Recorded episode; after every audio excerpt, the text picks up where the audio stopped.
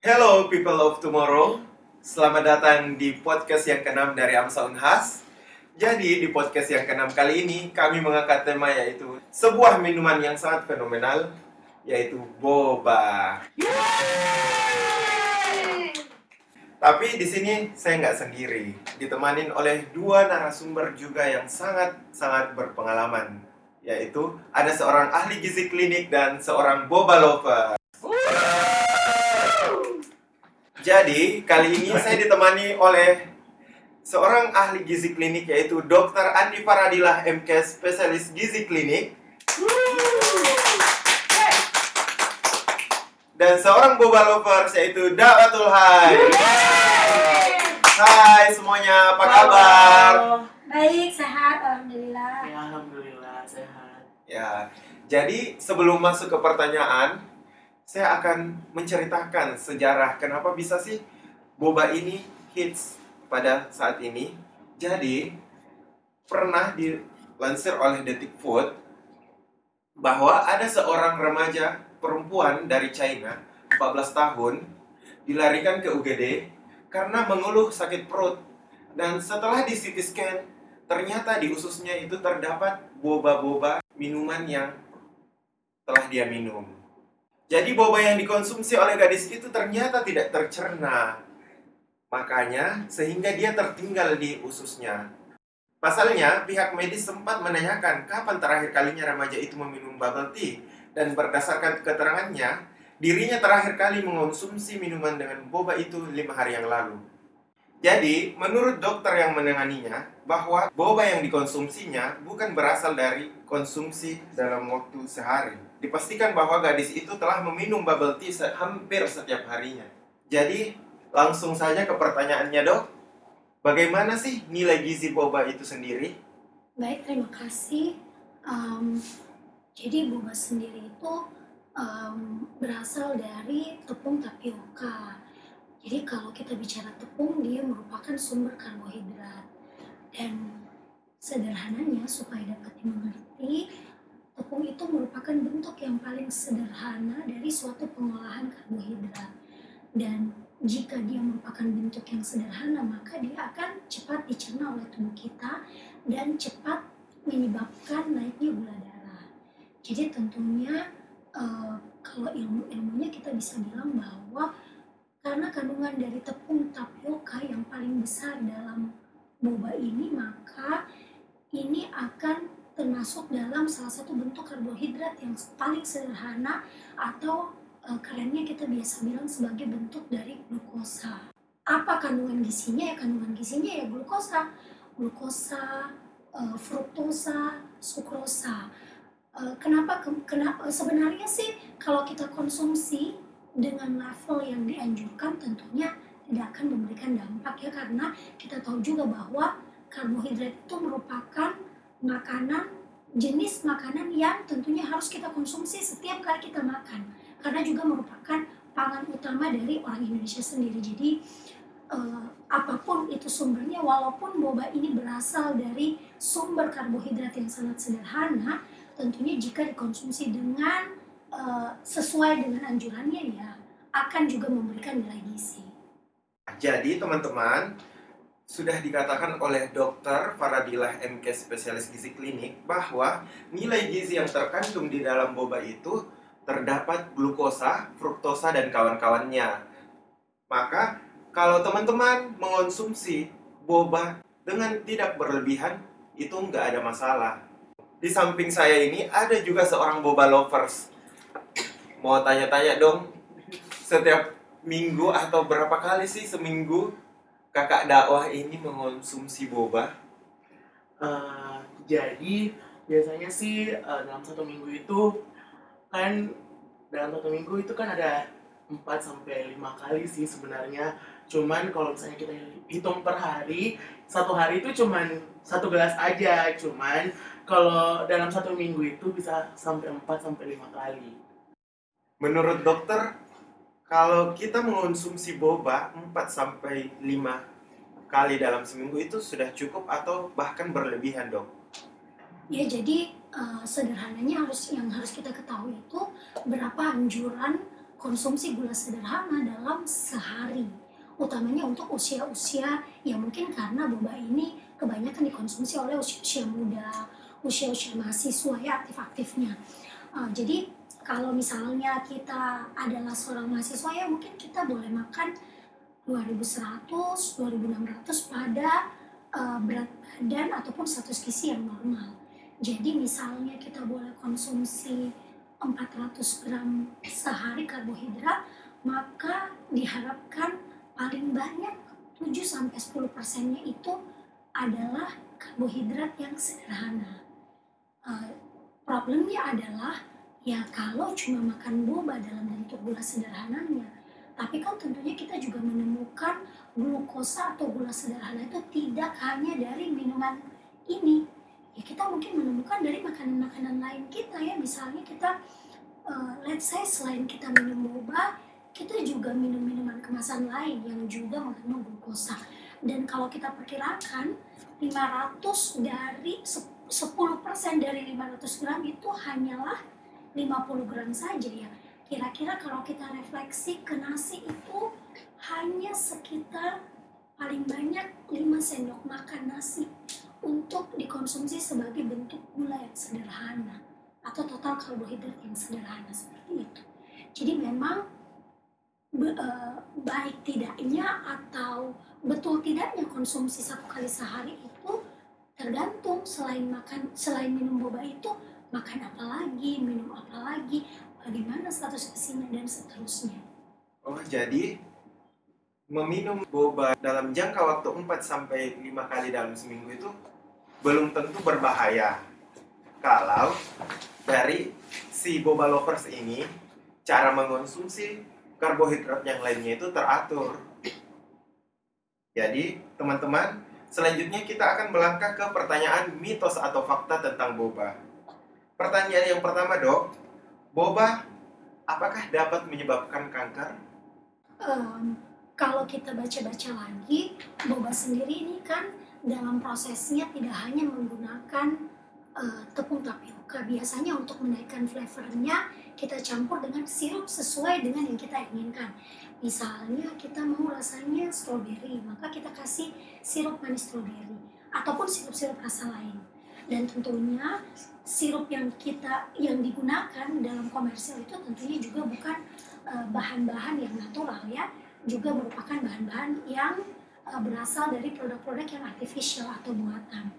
Itu satu yang mungkin bisa dihubungkan dengan kejadian kanker tapi yang sekarang menjadi current isunya adalah konsumsi boba yang berlebihan ini tentunya akan menyebabkan total kalori yang tinggi.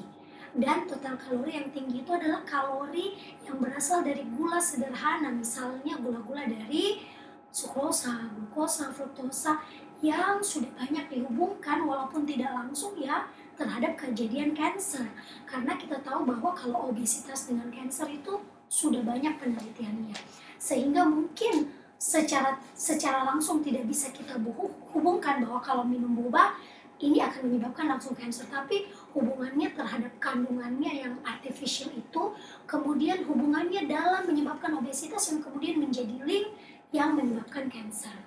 Oh jadi betul sekali bahwa boba itu belum tentu langsung menyebabkan kanker. Jadi ternyata dalam proses pembuatannya itu ada bahan-bahan buatan yang malah dapat menyebabkan kanker tersebut. Jadi pertanyaan yang kedua dok, apakah boba ini dapat menyebabkan suatu konstipasi? Jadi uh, pertanyaannya apakah boba ini bisa menyebabkan konstipasi? Kalau secara uh, konsistensinya, konsistensinya yang terdiri atas tepung tapioka, dia merupakan karbohidrat yang sederhana. Namun uh, uh, uh, hubungannya terhadap konstipasi sendiri kita lebih banyak bahas mungkin konten bahwa dia tidak banyak mengandung serat. Karena kita tahu bahwa karbohidrat itu ada karbohidrat yang sederhana yang dikandung oleh boba ini kemudian ada karbohidrat yang kompleks yang banyak mengandung serat. Dengan lebih banyak mengkonsumsi glukosa atau karbohidrat yang merupakan karbohidrat yang sederhana, tentunya kita juga akan pasti mengurangkan jumlah karbohidrat kompleks yang banyak seratnya untuk dikonsumsi per hari. Ya jatuh-jatuhnya dengan konsumsi yang banyak ini akhirnya serat yang kita konsumsi makin sedikit dan inilah yang kemudian bisa menyebabkan terjadinya konstipasi. Selanjutnya, pertanyaannya ini ke boba loversnya. Apakah selama Anda mengonsumsi boba, pernah mengalami suatu sembelit atau susah dalam buang air besar? Jadi eh, selama mengkonsumsi boba ini eh, pernah sih punya pengalaman susah sekali buang air besar sampai dalam satu hari full itu nggak pernah buang air besar. Tapi besoknya diminum lagi bobanya. Tetap menjadi boba lovers Iya. ya. Pertanyaan selanjutnya, kembali lagi ke dokter, yaitu apakah mengonsumsi boba yang berlebihan dapat menyebabkan boba itu melekat pada usus? Gimana dok? Tentunya ini mitos ya, tidak bisa kita katakan bahwa kalau seumpamanya mengkonsumsi boba kemudian ini menyebabkan bobanya melekat pada usus pada dasarnya uh, satu jenis makanan itu dia akan dicerna seperti layaknya kita mencerna makanan lain. Jadi kalau karbohidrat maka dia akan mulai kita cerna di mulut kita kemudian dia akan kita lanjutkan uh, pencernaannya.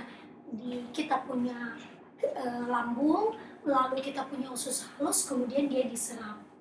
Uh, dampak mungkin kalau kita pernah uh, seperti yang diutarakan sebelumnya bahwa ada kasus yang mengatakan bahwa kebanyakan minum bubble tea menyebabkan dia uh, konstipasi dan uh, di ya let's say dia ditemukan ada uh, boba yang melekat pada ususnya ya mungkin juga kasus-kasus di mana pencernaannya ini tidak uh, berlangsung dengan normal atau mungkin intake cairannya yang kurang sehingga menyebabkan bisa ditemukan makanan yang sudah sampai pada usus halus ini tapi belum tercerna dengan sempurna seperti itu.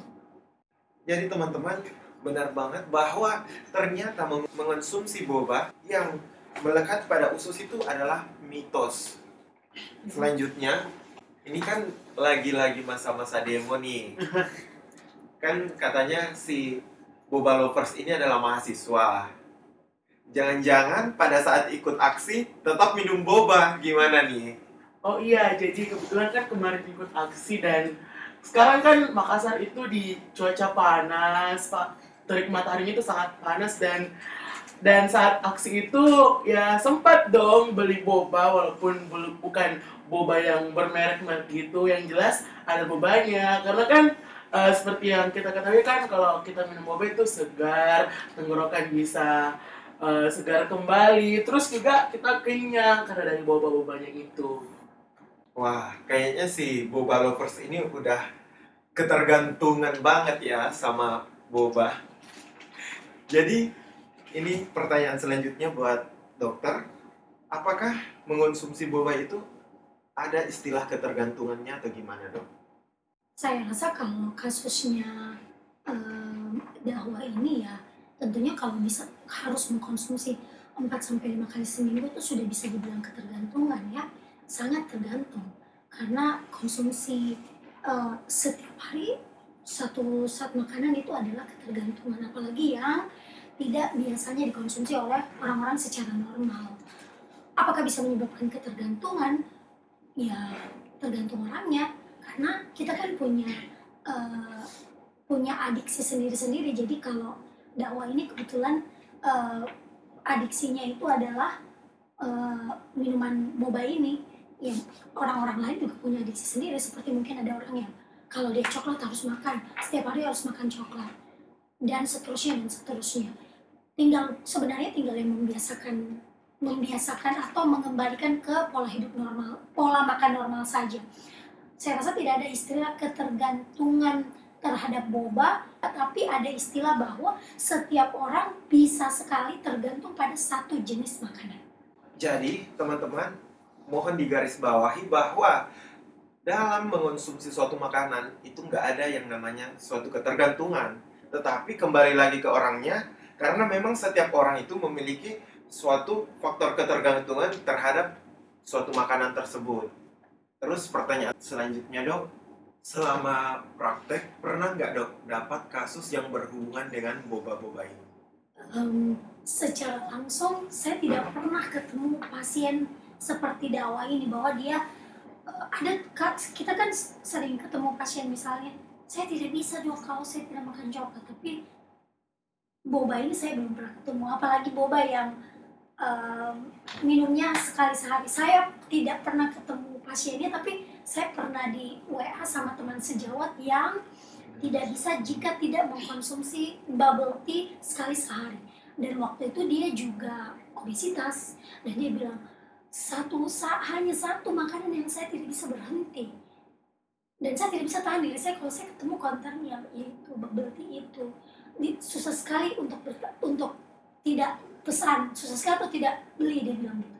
Jadi em, em, untuk tea sendiri pasiennya belum pernah ketemu tapi sejawat sudah sejawat dokter sudah pernah ketemu. Tapi kalau ketergantungan pada makanan-makanan lain juga banyak. Tidak hanya bubble tea dan itu semua tentunya bisa mengakibatkan satu penyakit ya pada eh, orang tersebut Kalau makanan lain dok, pernah nggak dapat kasus yang seperti ini? ya banyak. Banyak sekali. Yang paling banyak sebenarnya itu yang sederhana em, ya ada yang kerupuk. Jadi kalau tidak kalau makan atau kalau nyemil harus kerupuk. Dan itu juga bisa bikin masalah ya kegemukan atau malah kekurangan gizi juga banyak. Eh, dan banyak lagi ya paling banyak itu eh, kalau anak-anak kita kasusnya paling banyak snacking snacking tertentu. Karena anak-anak itu cenderungnya picky eater makan hanya makan yang tertentu. Tapi kalau orang dewasa paling sering juga biasanya eh, eh, coklat kerupuk juga banyak saya temukan atau yang paling banyak biasanya indomie. Itu juga banyak saya temukan di praktek saya. Terus dok, bagaimana cara mengontrol ketergantungan terhadap suatu makanan tertentu tersebut? Jadi pada dasarnya eh, sesuatu yang sudah ada di kepalanya atau mindsetnya yang tidak bisa berhenti mengkonsumsi itu memang bukan hal yang mudah untuk kita eh, untuk kita edukasi bahwa itu harus dihentikan atau harus dikurangi dan memberitahukan pada orang tersebut tidak segampang dia kemudian berubah ya jadi biasanya kita perlu seperti eating behavior terapi pada orangnya. Misalnya eh, eh, memberikan informasi kenapa harus berhenti, apa caranya untuk berhenti, bagaimana menghindari makanan tersebut, dan itu dalam bentuk latihan-latihan yang nantinya dia bisa eh, mencatat sendiri. Apa kira-kira eh, yang yang saya bisa jalani sehingga saya bisa berhenti. Dan lama-lama biasanya itu akan menjadi pembiasaan dan juga penting diketahui bahwa ketergantungan pada suatu bahan makanan yang tidak baik itu paling tidak dia harus berkomitmen setidaknya tiga bulan untuk betul-betul menjalankan apa yang diperintahkan oleh dokter baru kemudian pasiennya bisa dilepas atau boleh dibilang bahwa eating behavior terapinya ini sudah berhasil pada orang ini. Jadi teman-teman, cara menghindari suatu ketergantungan pada makanan tertentu tidak cukup dengan hanya edukasi, tetapi harusnya kita menggunakan eating behavior. Selanjutnya, saya akan bertanya kepada Boba Lovers, apakah ada pertanyaan yang sudah sangat ingin diutarakan kepada dokter? Oh iya, jadi gini dok, Eh, sebenarnya sih eh, sejauh ini saya sudah sadar kalau misalnya saya itu sudah ketergantungan eh, terhadap si boba ini nih. Jadi yang mau saya tanyakan ke dokter itu gimana sih eh, tips-tipsnya supaya eh, bisa setidaknya mengurangi lah porsi bobanya itu dalam seminggu. Gimana sih tips-tips dari dokter sendiri? Jadi manajemennya memang tidak sederhana, apalagi kalau memang ini sudah berlangsung terus-menerus, konsumsinya juga hak bisa dibilang sekali sehari. Jadi harus dulu mengenali dirinya sendiri. Misalnya dakwah ini kira-kira apa faktor-faktor yang bikin akhirnya memesan misalnya lewat aplikasi. Kalau seumpamanya gara-gara ada aplikasinya, maka hapuslah aplikasi tersebut. Satu. Kemudian selalu ingat bahwa hipnoterapi itu sangat membantu pada orang-orang yang sudah ada dalam keadaan adiksi atau pada keadaan-keadaan yang uh, uh, masalah berat badannya ataupun masalah dari gizinya itu perlu diatasi untuk menurunkan dalam dalam jumlah yang besar. Jadi kita perlu informasikan misalnya uh, kapan saja dia harus mengingat bahwa dia mentargetkan jadi setiap bangun dan setiap tidur harus selalu uh, membaca satu tulisan yang tulisannya misalnya hari ini bukan jadwalnya minum obat. Begitu juga tidur. Besok belum jadwalnya minum obat. Jadi harus dipajang di mana-mana di, di tempat-tempat yang selalu dilihat di handphonenya, di tempat tidurnya, di meja belajarnya. Jadi hal-hal sederhana yang kemudian itu bisa membuat pikirannya tertanam di dalam bahwa oh jadwal bobanya itu hanya dua kali seminggu misalnya.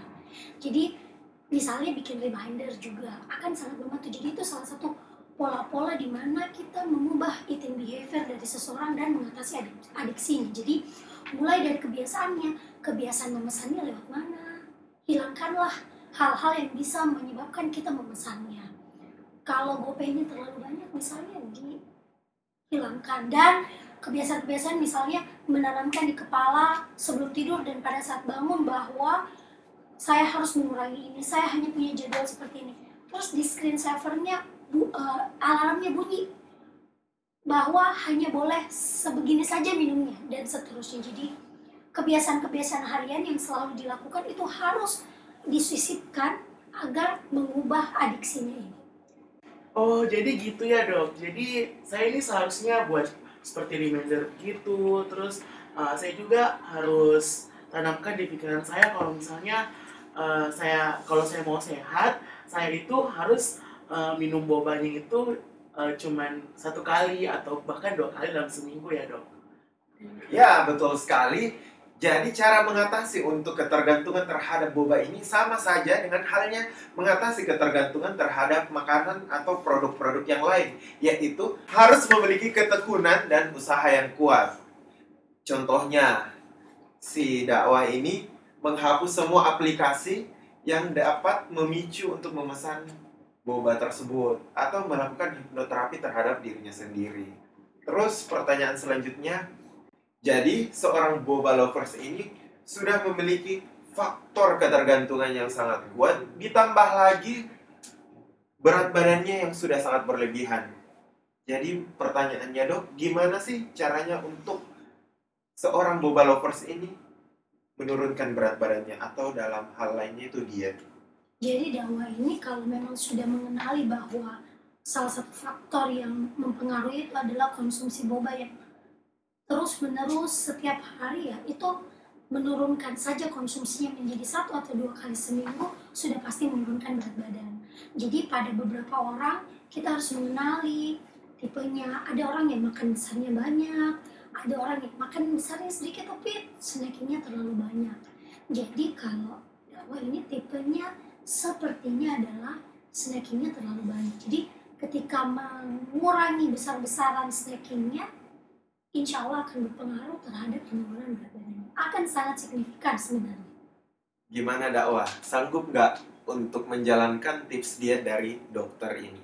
Uh, jadi sebenarnya gini dok, saya tuh sudah berniat sih beberapa kali untuk uh, mau banget turunkan berat badan namun kalau misalnya sudah mulai usaha hari pertama hari kedua hari ketiga tuh alhamdulillah lancar tapi hari-hari selanjutnya tuh kayak mulai lagi kembali ke kebiasaan itu.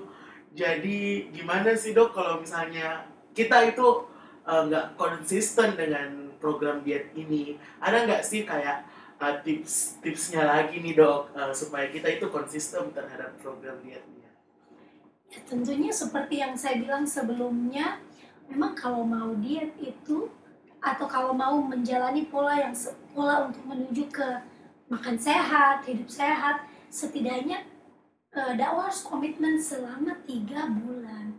Jadi kalau tiga hari kurang tiga bulan ya masih ada 87 iya masih ada 87 hari. hari jadi memang uh, komitmennya kurang berarti niatnya kurang.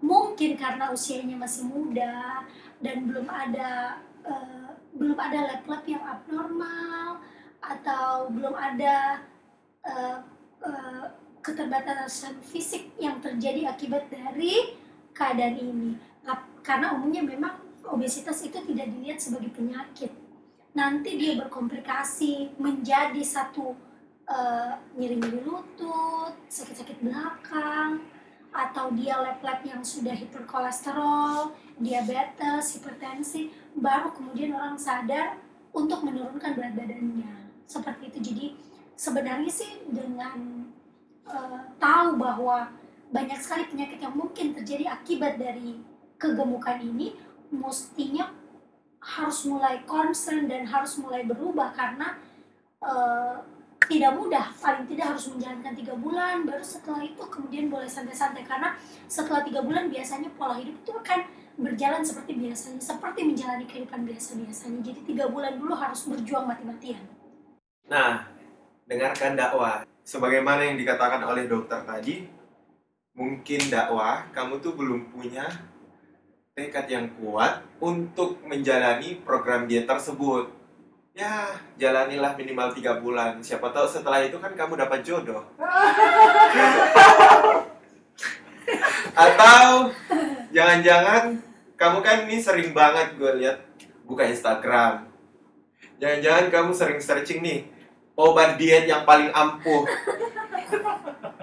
sebenarnya oh, pernah sih pernah eh, lihat apalagi kan banyak advertisement di eh, Instagram eh, pengen kurus pengen ini konsumsi ini tapi eh, itu sih nggak ngaruh ya karena pasti dalam eh, selalu ada dalam pikiran ini aman ya ini ini eh, bisa nggak berpengaruh untuk turunkan berat badan seperti itu Jadi masalah amannya kita tanyakan langsung ke ahlinya nih dakwah.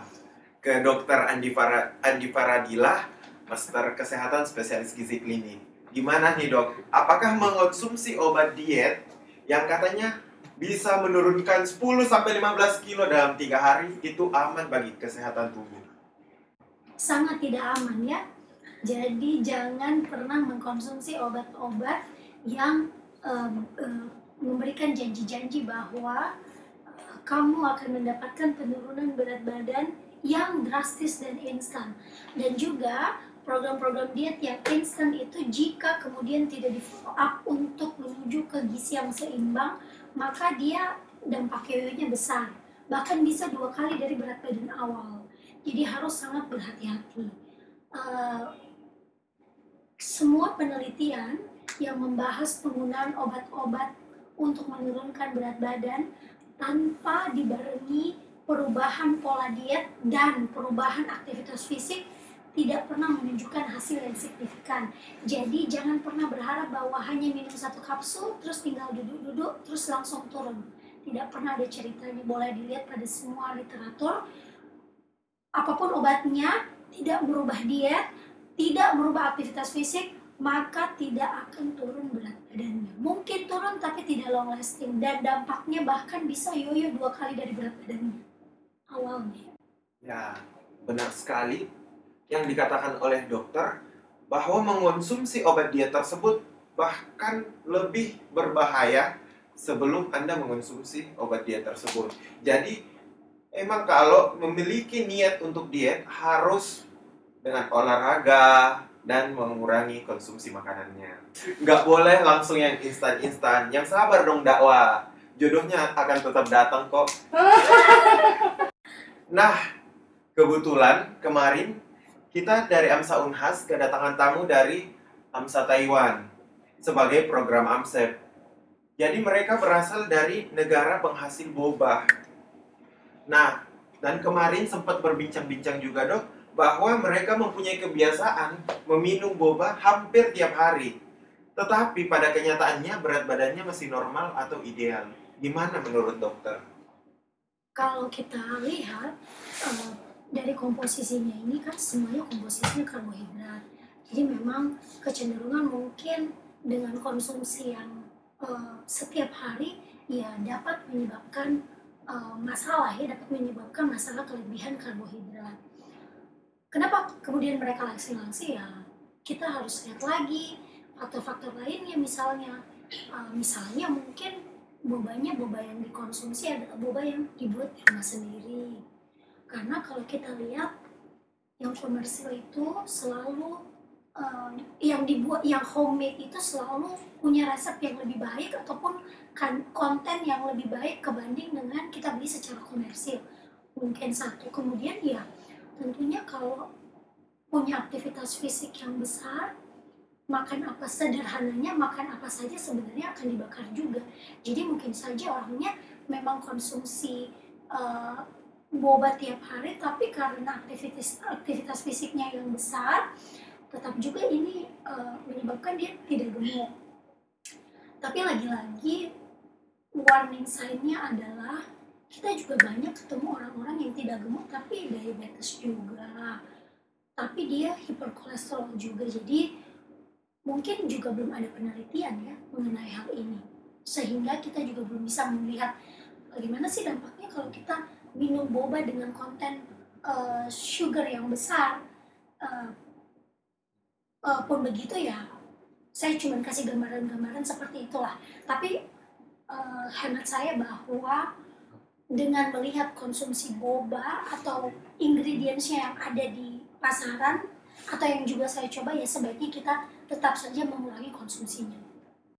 Nah, teman-teman, kan kita udah membahas segudang informasi tentang boba bersama dokter spesialis gizi klinik. Jadi, mungkin ada pesan dan kesan dok eh, kepada pendengar yang ada di rumah tentang cara mengonsumsi atau bahayanya boba ini. Jadi terima kasih. Um, tentunya uh, yang pertama bahwa kenapa boba ini kemudian banyak dibahas ya karena memang sudah banyak yang mengkaitkan boba ini dengan uh, kejadian dari obesitas dan kita juga tahu tadi bahwa boba ini adalah uh, mengandung karbohidrat karbohidrat yang merupakan karbohidrat yang sederhana. Sehingga konsumsinya yang berlebihan tentunya bisa dihubungkan dengan kejadian obesitas. Dan lebih penting lagi boba ini banyak dikonsumsi sama kalangan yang masih muda-muda.